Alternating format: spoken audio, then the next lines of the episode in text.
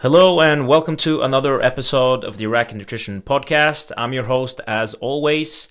Before we start today's episode, I just want to uh, briefly apologize for the lack of podcast episodes lately, but we're starting off 2019 with a great episode. So today I brought back uh, Dr. Shawn Arent to talk about nutrient timing. Shawn, great to have you back. How are you doing today? I'm doing well, Juma. It's always nice to be on your show. Thank you so much. So, before we start today's episode, I just want to briefly mention that this podcast is available on YouTube, but you can also find it on SoundCloud, Stitcher, and iTunes as well. So, today's topic, uh, great topic as always. There's uh, a lot of uh, discussions around this topic, so hopefully, we'll be able to maybe come to a I, I don't want to say conclusion, but maybe clear up some misunderstanding regarding this this topic. And I know you've recently had a publication re- related to prote- protein uh, timing, so it will be interesting discussing that. Uh, let's start with uh, briefly describe, describing what we mean by nutrient timing in in the, in the sense what we're going to discuss today. Yeah, I, think probably the, the simplest way to define it is, you know, taking in precise, and I, I, use the word precise fairly loosely, right? So it's not like to the exact gram, but, you know, precise and specific nutrients in and around specific times, you know. So, and I know that's overly broad, but it's meant to, if we look at the history of nutrient timing, it used to be thought that basically it was what you took in during your workout is what mattered, right? So it's the, it's the during part. And then we started to realize, oh, you know what, though? You know, and a lot of it was the John Ivy stuff with the anabolic window. Oh, maybe it matters what you take in after. You only have this small window. Well, we now know that window is a heck of a lot bigger, all right, but there is an increase in, in anabolic activity. Um, so then it went, you know, what are you eating during and what are you eating after? And then we started to go, oh, you know what? What you eat before matters too. So you had this sort of peri workout period, right? So from beginning to end and, and sort of all points in between. And now, if you really look at how nutrient timing has progressed, and, and, in my opinion, in a good way, is the whole day matters, right? So, in other words, it's timing throughout the day around your training, around your sleep, you know, and, and things like that. So, so I don't think we don't want to lose that in the mix. Is that we're not just talking about like one specific period of time, but it's kind of throughout the day. But generally speaking, when we start talking about performance in particular, you know, that that timing in and around the workout is really what we tend to I guess really think of as the nutrient timing, you know, frame, uh, you know, if you will, to try to capture as much of that clock as possible.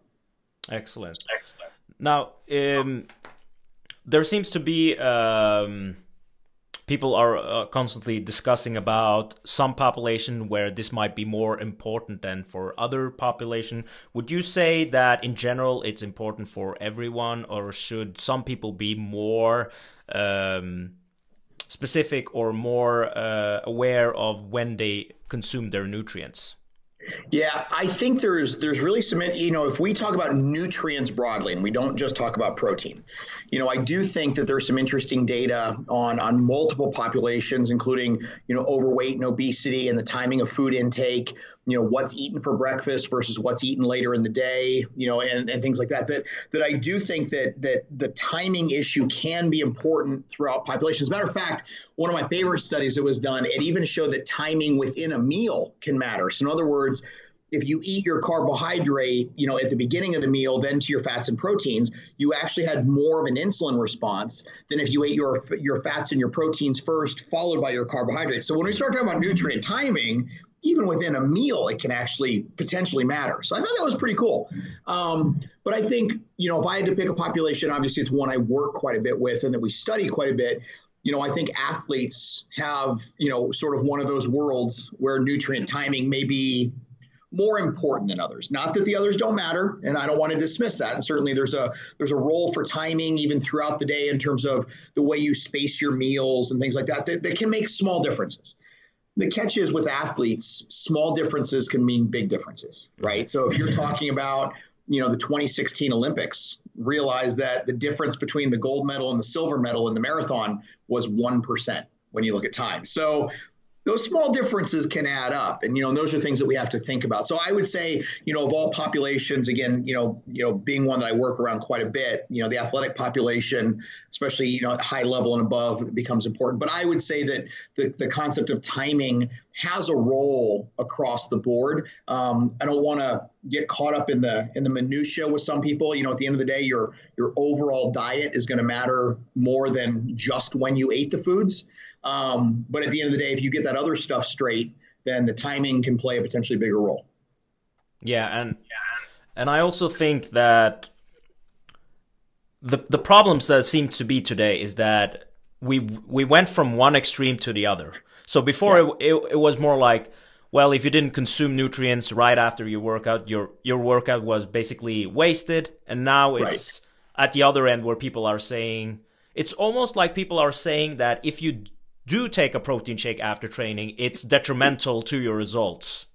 Yeah, I, I actually I think the part that that's what worried me the most about this whole um, sort of trend that we've seen with this, and and so it's it's kind of a perfect example of how research findings and review findings kind of got bastardized, right? So it's like, you know, basically, if you look at some of the meta analyses on this and they say, oh, the protein timing didn't matter, right? So if you ate right after your workout or didn't, wasn't a big deal.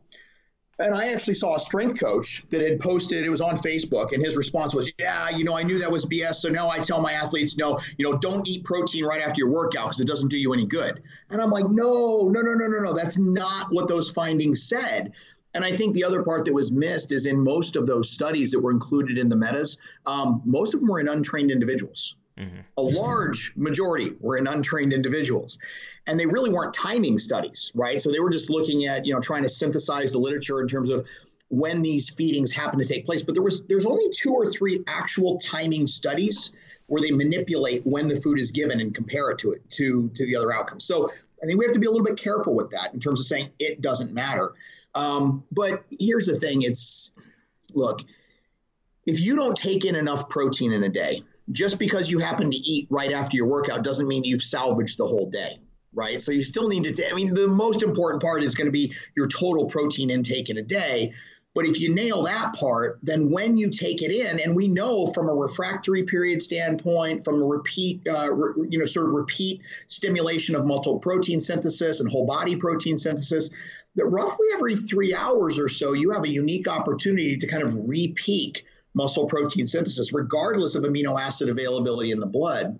So I think, you know, when we look at it from that standpoint, um, you're right. It did take this massive shift to the other way where it was kind of like, um, oh, we were so wrong on the other end. Now, now don't eat after your workout. And that's really not the take home at all. It's just one of those things where if you left the gym and you forgot your shake at home and you get home and you eat an hour later, you're still okay.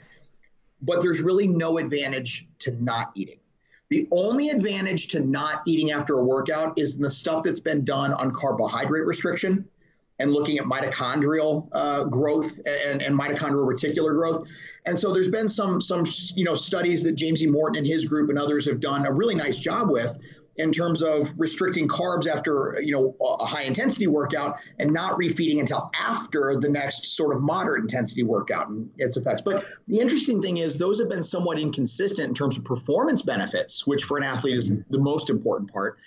And funny enough, the ones that seem to have the most uh, consistency when it came to performance outcomes fed protein before the next workout, just not carbohydrates. So, in other words, it wasn't fasted per se, it was just carb restricted. So, that would be the only example of where, you know, not eating. Uh, a particular type of food prior to a workout from a restriction standpoint might have a nutrient timing value.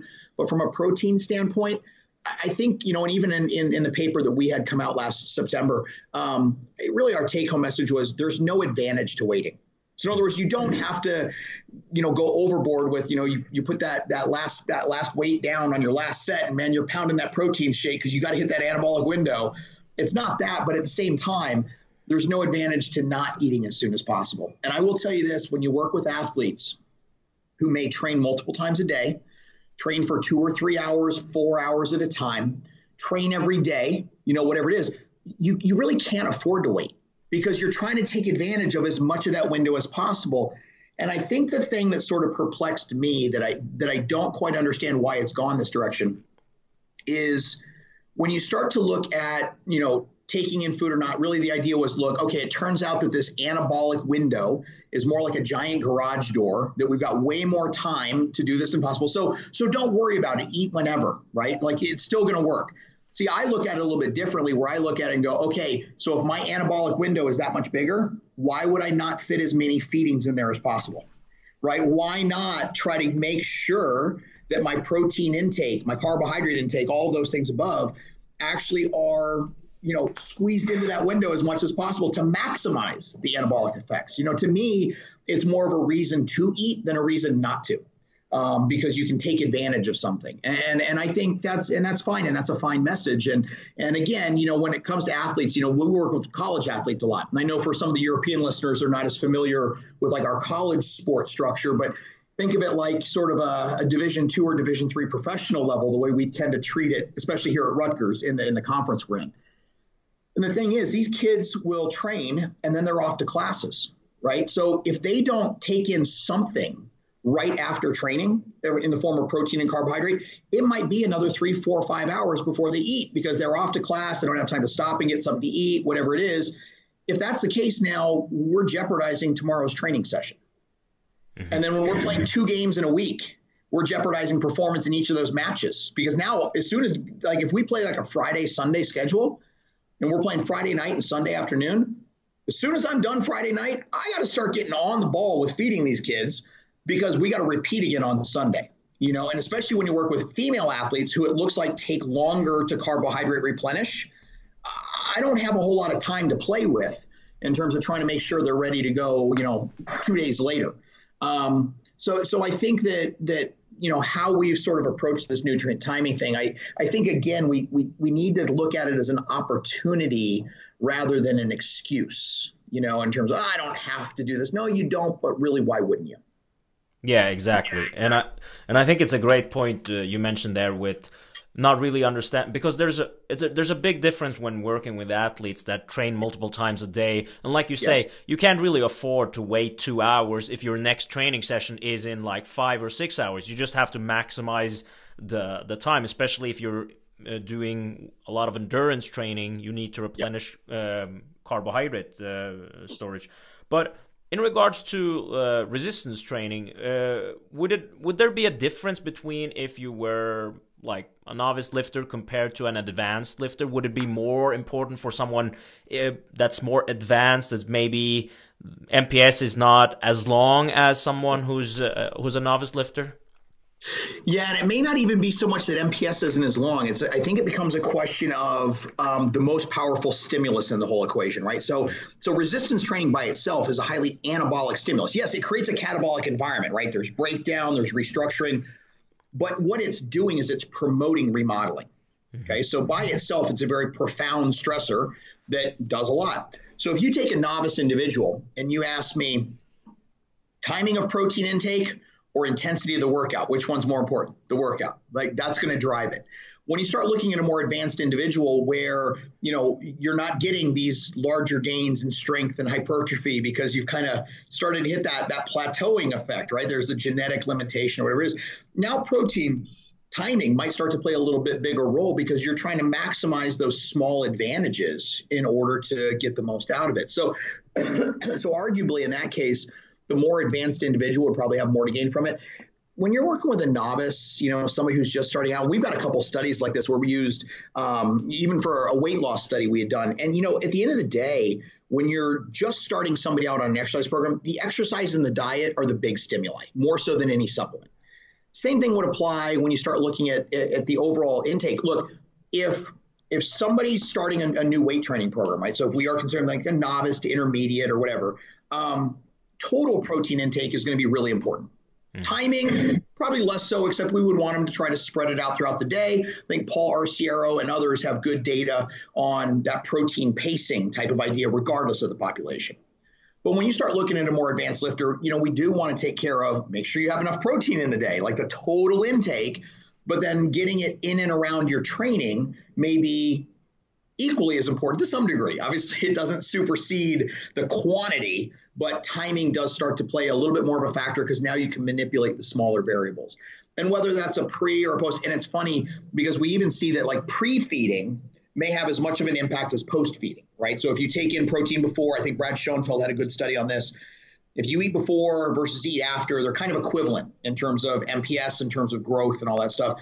I would argue it this way why not do both? Mm-hmm. you know, so if it's like an hour before training and then you eat within an hour after and your training lasted an hour and a half to two hours, you've got about a three hour window. So I eat before and after, you know, because it's I'm hungry. Um, you know, so it just it makes sense. And I think the other thing that gets lost too is if we're trying to hit these, you know, 1.6, 1.8, even 2.2 grams per kilogram protein intake in a day, when you start working with larger athletes, if I don't eat more frequently, that is a hard goal to hit in just three meals. So the way I look at it is feeding after your workout is just one more opportunity to make sure you hit your total daily protein intake.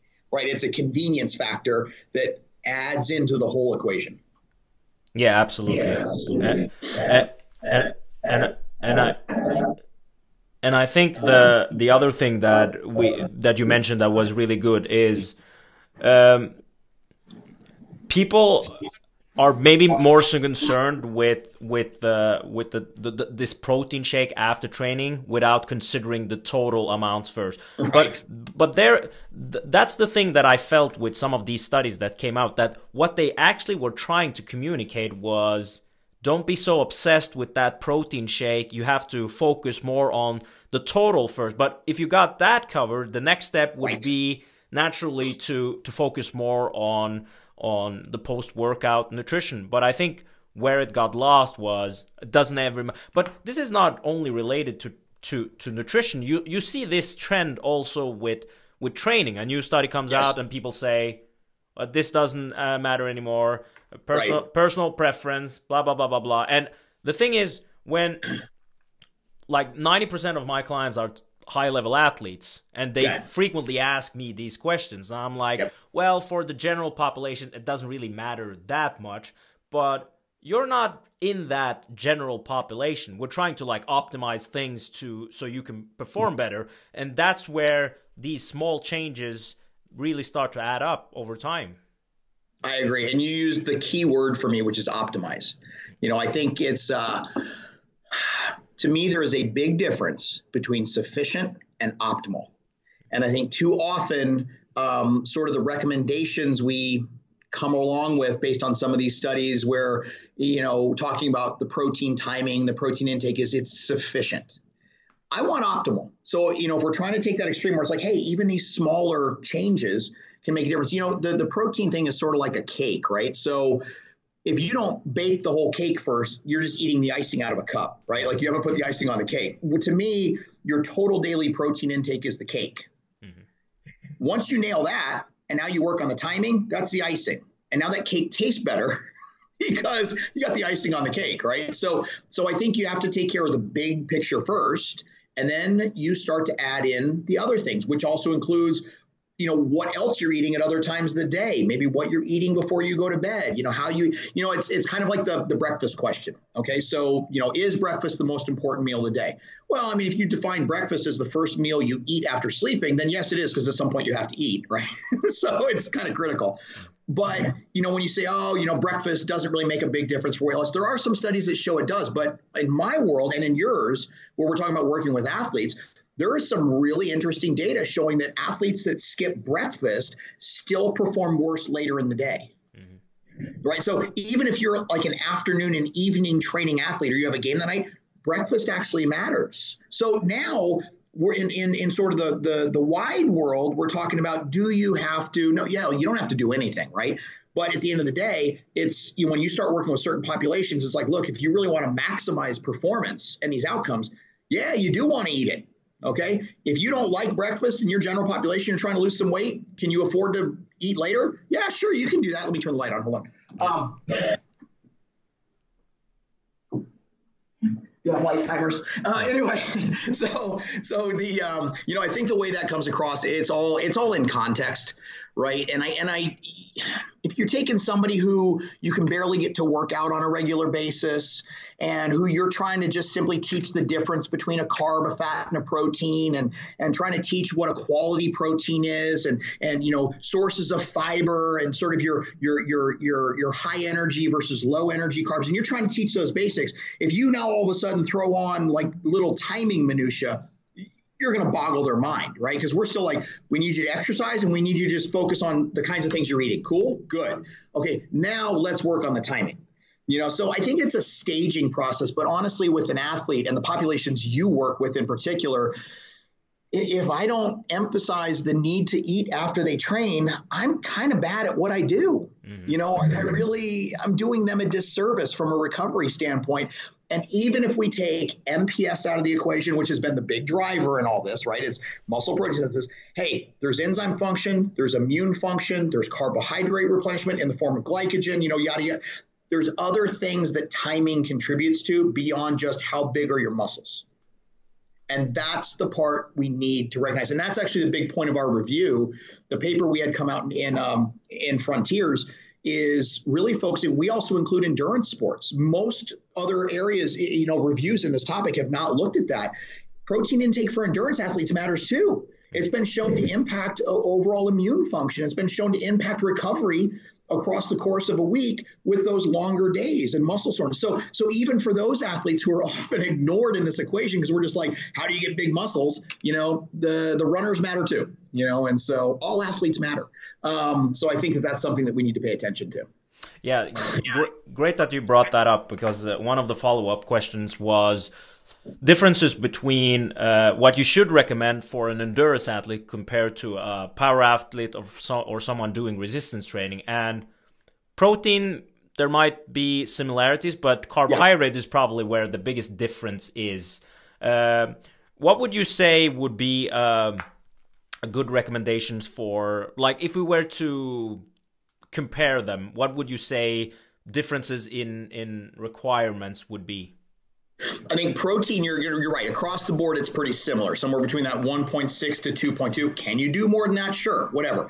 But that's sort of a sweet spot, right? That should hit your requirements for the day, maximize recovery in its own capacity and stuff. If you're looking to massively change body composition, I think Jose Antonio's work has shown that even higher protein intakes can help with that, especially if you're replacing carbohydrate with it.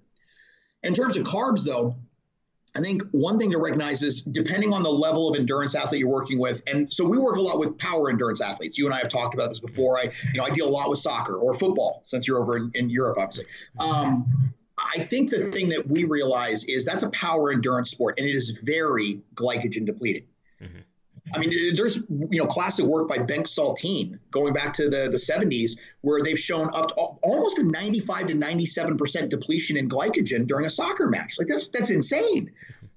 Resistance training doesn't do that. Yes, it is highly reliant on carbohydrate for fuel, but you know an hour hour and a half lifting session, you're probably looking at maybe a 50 percent depletion at most. So the amount of carbohydrate to recover from that is going to be a little bit less than like a, a triathlete, uh, a cyclist, a runner, you know, a soccer player, football player. Um, so I think putting that in context, I think, is important. Now, one of the challenges that we have, you know, ideally, if we're looking at recovery capabilities, taking in about 1.2 grams per kilogram every hour in terms of carbohydrate after a match for the next three to four hours seems to satisfy those requirements to a great degree. The one thing I will tell you, having worked with female athletes, is it is very hard to get them to take in that much, all right? Because in their mind, there's still a calorie issue to this. Where protein becomes important is we know that for the most part, adding carbohydrate to protein doesn't really do much to MPS, right? It doesn't really matter much in the muscle protein synthesis side. However, if your carbohydrate intake is under 1.2 grams per kilogram for that post training, post match intake, adding protein does help with glycogen resynthesis. So even if they're taking in a little less carbohydrate, having protein at the same time can help shrink that gap and actually still enhance glycogen uh, replenishment. So, so I think that's important too, and it gives us an opportunity to to fit the feedings. And if you have an athlete who you're trying to weight maintain over a course of a season, those are things to keep in mind. Um, you can use it that way. And then, you know, again, just in terms of how we present it and what an athlete might be thinking in terms of food quantity mixing the two is important. But but certainly, you know, when you start looking at those endurance athletes, if you're performing at the high end uh, of intensity with with you know on, on the on the aerobic side of things, you need carbs for fuel. And you know, and I know you know keto and its popularity and this and that. Honestly, from a performance standpoint, just just say no. You know, like it just there's just no evidence that it works. Almost, you know, at, at best in any given study, it's been as good. Mm-hmm. But most studies, it's worse. And here's the thing: the only time it's been as good is after they went through a three or four month transition period for adaptation. Well, now I've just traded three or four months of training. That doesn't make any sense to just be as good. But for general population, if they choose to go the keto route, just realize that your high intensity aerobic efforts are going to be sacrificed a bit. But when you're working with an athlete who on that aerobic side needs carbs for fuel, then that means that we need to eat carbs for fuel in order to do that as well. So, yes, their requirements are going to be higher. Um, but it presents a unique opportunity from a dietary intervention standpoint. And, you know, I am a big fan of nutrient periodization. You know, in terms of in your highest training volumes, take in more of the carbohydrate. On your lower volumes, you don't, right? So you cycle it based on your needs. And I think that people need to realize that that sort of being anti keto for athletes doesn't by default make you high carb, right? I think there are high carb days and there are lower carb days. The bottom line is you manipulate carbohydrate intake based on the needs of the fueling of the athlete. That's, yeah. It, yeah. It's, it seems, you know, it seems like a cop out, but it's the reality is it's like, how much carb do you take in? It depends on your training, mm-hmm. you know, but for most people that are just doing weightlifting and stuff like that, you don't have to become obsessed with it. You don't need a ton of carbohydrate after your lift because to tell you the truth, you probably didn't deplete it that much. And if you did, you're probably going to get plenty in in the next meal. That being said, if you want some carb with your protein, knock yourself out. That's not a bad idea. You just don't have to overdo it. You don't need 80 or 100 grams per se. Yeah, exactly. I, I think there's a couple of things here. I think, first off, people need to realize how big of a difference there actually is and I know a lot of people say they train hard, but there's actually this study from, you're familiar with it, the Tesch study from 86, where they did yeah. 20 sets to failure and then they measured glycogen and they were like 20 to 40% glycogen uh-huh. depleted in the quads. Right. Nobody trains like that. And still they, they, they didn't deplete that much. But back to the Saltin study, I think the, the Saltin from 73, where yeah. you mentioned they depleted almost all of it and almost all. Yeah, and just look how shitty they performed. I think uh-huh. the the depleted group like walked fifty percent of the time, while the it's other tough. group, yeah, and really, really, you really see the difference between the first half and the second half. How performance really drops as as soon as the yep. glycogen is is uh, depleted.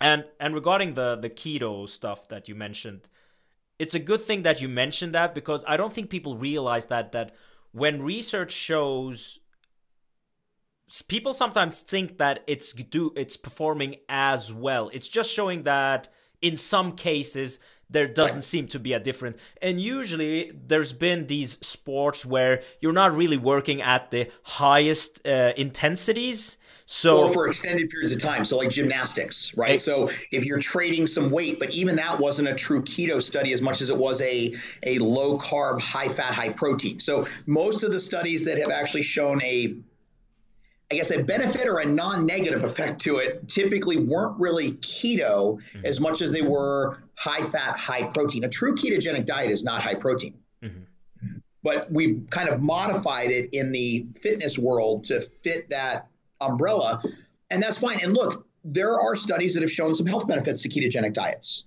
I also think that many health benefits are very overstated based on what the research shows. There's no evidence that it kills cancer tumors or all those things, at least not in humans. And so I think we have to be careful with, with how we do that. It works for some people because it forces them to pay attention to what they're eating and it allows them to potentially lose weight a little quicker up front. Maybe that encourages them, they stick with it but it's also been shown to be one of the highest, hardest diets to adhere to. Mm-hmm. And at the end of the day, the, the most successful diets um, are the ones that you can actually do. You know, that, that you know, because face it, you do a ketogenic diet, like, oh, this sucks. I can't do this for forever. You kick off it, and all of a sudden you regain the weight. You know, and I think the other thing that people need to realize is when we when we talk about sort of the the fitness and health side, we, we tend to talk about diet and exercise, right? Athletes eat and train there's a difference. Mm-hmm. You know, we don't we don't diet and exercise, we eat and train.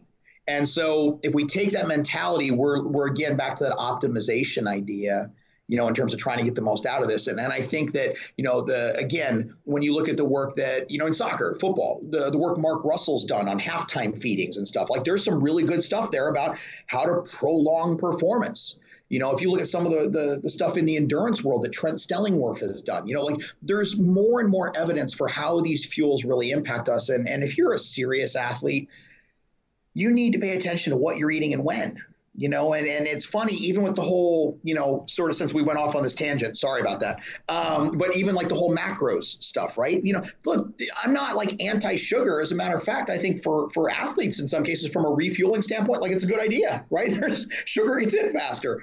But the reality is there's plenty of studies that actually show that food quality you know, when you look at am, you know, amylopectin content, when you look at amylin and you look at, at you know, the, the, the fiber content and things like that, like it changes absorption rates and absorption rates change how the, its metabolizable energy gets utilized, you know, so, so, you know, and, and you can't sit here and have somebody tell me that somehow a protein source matters, but carbohydrate doesn't.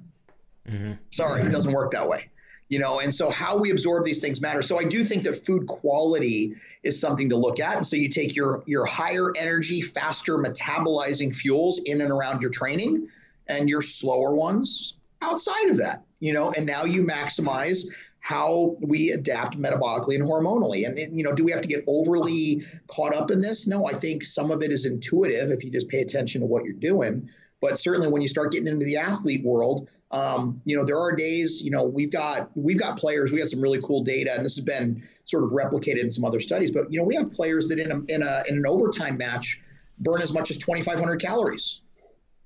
At that point, after the match, I want them to eat well. I want them to eat good food, but I also want them to eat. Right? It's just like we need calories, we need replenishment. You know, you want a piece of pizza, we can have that later. You know, it's like one of those where you know you're trying to get fuels in them. You don't want them eating salads you know so you know i think that those are things that we try to take into account and and um, you know and, and i think we're on the same page in terms of the way it's not that the research is bad it's not that it's wrong i think it's been the way that it's been applied and interpreted and it's almost created this this uh, excuse more than anything else and again it's back to that sufficient versus optimal issue and it's uh, it's an important distinction there's a lot of things you can do lifting wise. There are certain things that maybe work a little bit better. I would want to focus on those. Doesn't mean you can't do the other types of workouts. Might be a personal preference issue, mm-hmm. but I do think if you want to optimize what you're doing, you try to pay attention to the details. Exactly, and and a great and a great point uh, regarding that is looking at uh, protein dosage studies where they conclude 20 grams is sufficient. But if you look at the graphs in the Moore study, yeah. the Witard study, 40 grams is actually better than 20, but it's it's not that big of a difference that they can say that it's statistically different and that they can recommend that. But generally it wouldn't really matter to most people but for an athlete i would say that that matters increasing yeah. it to 40 compared to 20 well, and hey, and by the way, let's not forget that these acute MPS studies don't always translate to what happens long term. Mm-hmm. You know, so now there's a whole another twist to add into this in terms of how it works. And the other thing I would say too is, you know, what, what I find interesting about these like 20 versus 40 studies is the conclusion that came out of the, the 20 versus 40 using whole body exercise was that 40 was better than 20. Not a lot, but but the way it was phrased was that 40 grams maximizes MPS mm-hmm. compared to 20 with this. So my question is, how did it compare to 60? That's right, there wasn't a 60 gram dose. So we don't know that 40 grams maximized it. We know that 40 grams was better than 20. And if you start to take these larger athletes, and you know when we're when we're doing whole body exercise, but it's a vastus lateralis biopsy, while I do know that that should reflect protein metabolism, certainly there's a whole body effect too you know and so i think we need to be careful how we interpret some of the biopsy effects alone not that this was bad research i actually think that uh, I mean, you know, I think Kevin Tipton, Stu Phillips, and those guys, like they should be commended for the type of work they're doing and the quality of the work. But we also have to realize that there's limitations on interpretation that we just have to be careful how we use that going forward. And oh, by the way, pay attention to the population that it's applying to. And the reality is, you know, 20, 40, 60, whatever, you know, at the end of the day, protein goes to more than just MPS. Mm-hmm. Right. So, there's, so the whole body protein synthesis factor does matter as well as what happens to breakdown. So I don't think that we can put a cap on it per se. I think if nothing else, we're pretty safe in saying somewhere between 20 to 40 grams should get it done. You know, I mean that's a that's a safe bet. You know, I I would tend to err on the more than 40, but you know, I'm you know almost 100 kilos, so I'm gonna try to gravitate towards a little more than a little less. Because to tell you the truth, if I don't, I'm not going to get all my protein in in a day. you know, I think that's the reality. I always find it funny if you do the math. Let's say that you have a hundred kilo athlete, and so we would say, okay, we want, um, you know, roughly, you know, if you're talking two grams per kilo, right? So we're saying, okay, we want 200 grams of protein that day. so doing the math, if all I need is 20 grams per dose, right? 20 grams per feeding, and that maximizes it. Do I have to eat 10 times a day? Mm-hmm. Because now I got a problem to get to 200. So it's like you only need 20 grams, but you just told me I need 200 in a whole day. So that means that each meal has to work better if I take in more than that 20. Otherwise, what do I do? 10, you know, 20, 20, 20, 20, oop, eat all the rest. Right. So now it's just like one big bolus. So I think there's a math factor that gets lost in that too, in terms of understanding that when you have these athletes that have to take in 160, 180, 200, 220 grams of protein in a day, if we just tell them all you need is 20 grams per serving, they're going to be eating every hour. Mm-hmm. You know, and I mean, I'm a fan of that. I actually could probably eat every hour. I like protein, so it'd be fine. Yeah. Um, but I think there's a practicality issue that got lost in that somewhere, and I'm not sure why. Yeah, I, I totally agree. And and actually, when I when I uh, when I lecture, I lecture in sports nutrition for Academy for uh-huh. Personal Training in Norway, and when I do the protein lecture, I always tell them that first you calculate the total amount of protein, and then finding out how many meals you need by the day, you divide it and make sure that every meal is between 20 and 40 grams. I also yeah. add I also add in another rule, and that is that two thirds of the 20 to 40 grams should come from a complete source because. Yeah. One of the one of the pitfalls with athletes when they consume a lot of carbohydrates is that it's a lot of protein coming from the carb sources but it's not a complete protein, so you do have to eat more in that case. You're exactly right. Yeah. Yes. So if you eat, I think that's a great recommendation. Yeah. So if you eat 150 grams of oats, you have 20 grams yeah. there, and then what do you do? Just add in a little bit of that's not going to be optimal. So no. so so so I think you're right. The, the the math doesn't add up with a lot of these recommendations that people give, and it really all makes sense if you just think about yeah. it, how you should structure it. Yeah, and I think from a science standpoint and from a proof of concept standpoint, I think it's all very useful. But then we also have to figure out, you know, how does that then translate in terms of what we do with it? And I think that that's where, you know, using a bit of common sense and doing the math on it and saying, okay, then you know, if we need this amount per meal, then this would, you know, the other one that always interests me too is even the meal um, frequency issue, right? Because generally speaking, you know, uh, you look at most of the stuff that's coming out, meal frequency doesn't matter What's really interesting is if you ever get a chance, if you look at the, the meta that was done on the meal frequency, there were a couple outlier studies. And so what they did is they removed those, right? So then meal, so they meal frequency mattered when those were in, but they were largely influencing the effects. So then they were considered outliers and they were removed. Those studies that were removed as outliers had one big thing in common compared to all the other studies. They included exercise. Mm-hmm. So now the question is, does meal time, does meal frequency matter when you're exercising? Versus a study that was simply a weight loss study where it's an energy balance issue and exercise isn't part of the equation. So now we've got a whole nother contextual variable that we need to start thinking about in terms of how frequency impacts. And could that have to do with the recovery from exercise, the muscle protein synthesis, the meal feedings, and the timing? So now all of a sudden, hey, maybe nutrient timing actually did matter. But again, we don't necessarily have the answers to all these things, but I think there's enough information out there to make us question it and say, hey, these are some areas to look at. And that's one of my favorite things about meta-analyses is not the actual um, conclusions. It's identifying where the holes in the literature still are. Mm-hmm. You know, so if you look at the nutrient timing meta, really one of the biggest holes that it should that it that has the ability to identify is there's not a lot of timing studies. So that's an area that we need to think about. You know, when you look at the meal frequency, oh, tell you what, there weren't a lot of studies using exercise along with that. Maybe that's the sweet spot. You know, so again, I think it opens up some avenues and helps to direct our research resources, and I think that's a real positive uh, in terms of moving forward. And that's why, you know, I'm not uh, by no, you know, for any of the listeners, I don't want you to think I'm negative on metas. I've done them. Um, I'm just saying that I think we have to be careful how we use them. And rather than try to think we're coming to definitive conclusions, I think what it does is it may help us focus our efforts on what still needs to be researched. Great point, and I, I totally agree with that.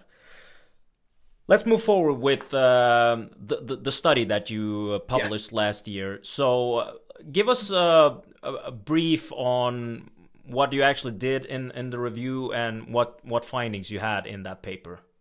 Yeah, so we were really focused on recovery and performance, as much saying, and so not just MPS. So we were looking at at uh, biomarker responses. We were looking at repeated performances in studies that have done it, you know, the day or the day after or a week later. But what we're really focusing on was active individuals. So we we basically removed the studies that were using these untrained individuals to sort of remove that bias and say, okay, in people that are now trained, you know, what are the potential performance and recovery benefits to protein intake? And at the end of the day, you know, when you start looking at the higher quality protein sources, most of the milk proteins were, were fairly equivalent in terms of doing their job. Um, you know, in terms of when synthesis occurred, you know, it may be a difference in terms of rate of absorption and things, but overall they kind of tend to equal out. Um, but what we found was that, you know, taking in protein, um, you know, post training, post game, and things like that did actually appear to at least have a small effect on speeding up the recovery process. And for endurance athletes, it had a pretty notable uh, effect on immune function um, and repeat performance and things like that. So, you know, and especially when combined with carbohydrates. So it looks like there may be a bit of a synergistic effect there, which would make intuitive sense. You know, so really the, the ultimate conclusion was that total protein intake in the day matters most. Your training matters most. The timing starts to matter after that, and there is no good reason not to eat right after training. So, in other words, even if some of the effects were small, they were notable uh, in terms of what it would mean for these athletes. And even in some of the studies that had non significant findings, you looked at it from a magnitude of effect standpoint, there, there is potentially something there for the more highly trained population. You know, so I think the take home was just, you know what, there's no reason not to do this. And if anything, the the evidence is is fairly good to suggest that you that you should be taking in protein after. And again, it mostly focused on protein. We stayed away from the carbs and fats to a great degree because that wasn't the purpose of it. Mm-hmm. But it's hard not to bring those in to some degree when there's a couple studies that have combined them. And when that's the case, it looks like there's a synergistic effect um, to improve performance and recovery overall. You know, but like I said, the unique aspect was looking at those endurance athletes as well and realizing they need it too. Yeah, exactly.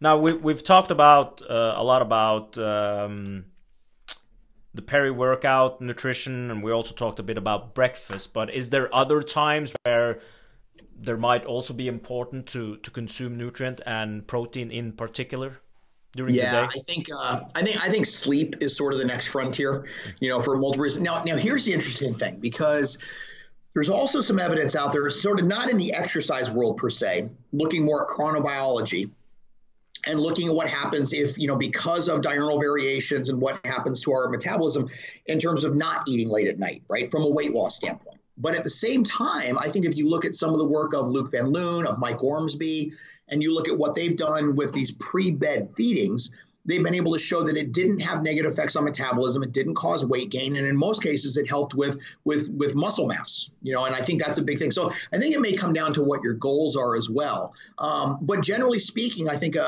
a, fairly good recommendation at this point would you know especially if you're trying to fit um, all of your protein feedings in in a day and you're trying to hit your your your your, your protein uh, content for the day feeding before bed in the form of a slower digesting protein, a casein, or something like that, has some notable benefits. I think we even have that in our review that sleep is sort of that next frontier because there is some intriguing evidence.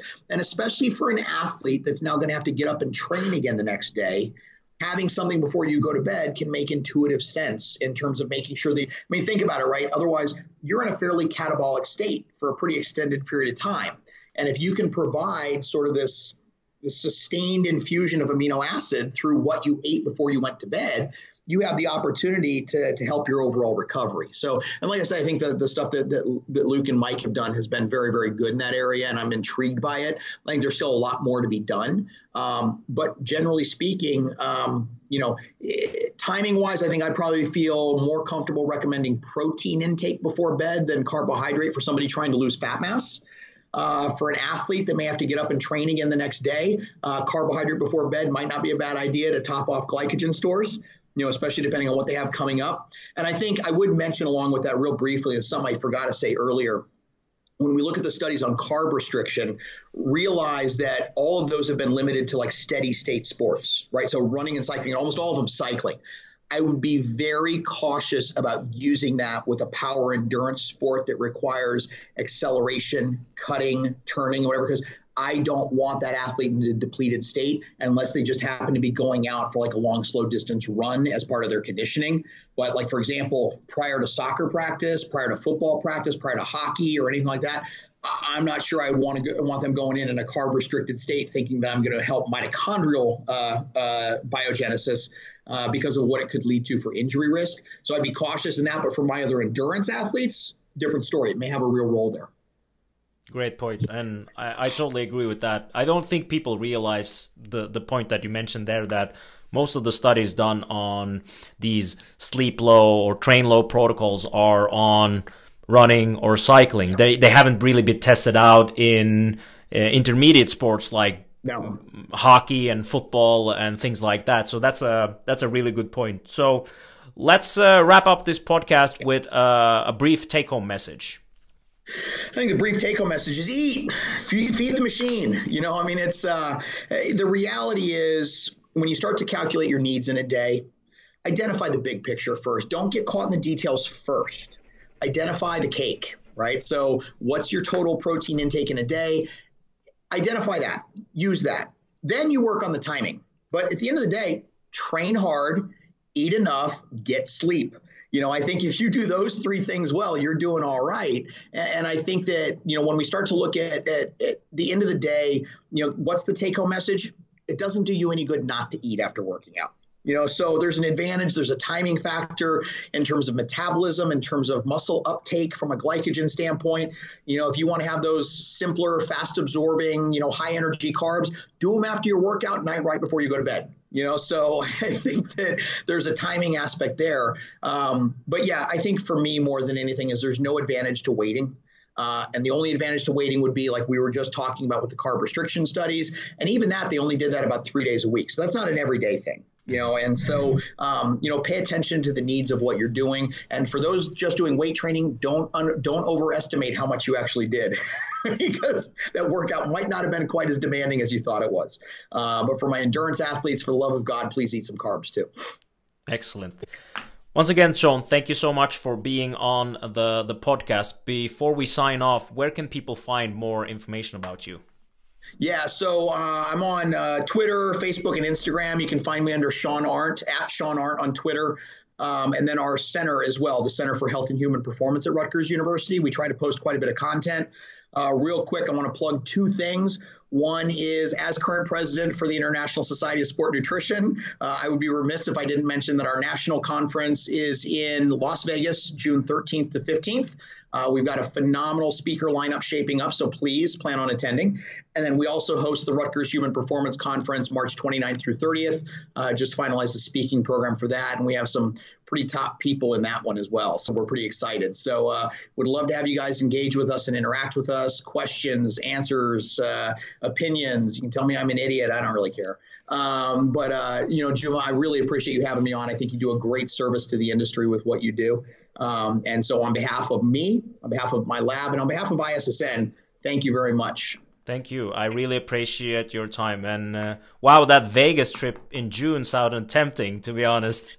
It's going to be fun. We got some good ones. Right now, it looks like uh, we've got Eric Rawson and James E. Morton as our two keynotes. Um, they agreed, so I'm pretty psyched about that. And we've uh, even the pre-conference is on sleep, stomach, and stimulants. So we're going to deal with uh, uh, the role of sleep in recovery, the role of the microbiome, and then uh, you know how caffeine and other stimulants might factor into the performance factor too. So we got some fun stuff shaping up.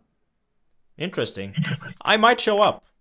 You should. I will make sure you have some uh, some podcast opportunities to talk to some people and get them lined up for the year. Yeah, yeah, yeah. I should probably do that. It sounds sounds so, sounds. I, I've been talking to Joey several times, saying that next year I have to come. I have to come. But every year when the ISSN conference is, I either am traveling or I'm yeah. lectu- le- lecturing here in Norway. So it's it's a bit difficult. But I promised uh, Joey that I would try coming this year. So maybe we'll see each yeah, other. If you there. can fit it in, we would love to have you. Yeah, I'll I'll definitely try. I'll definitely try. Okay. Sounds That's all we can ask. Yeah, exactly.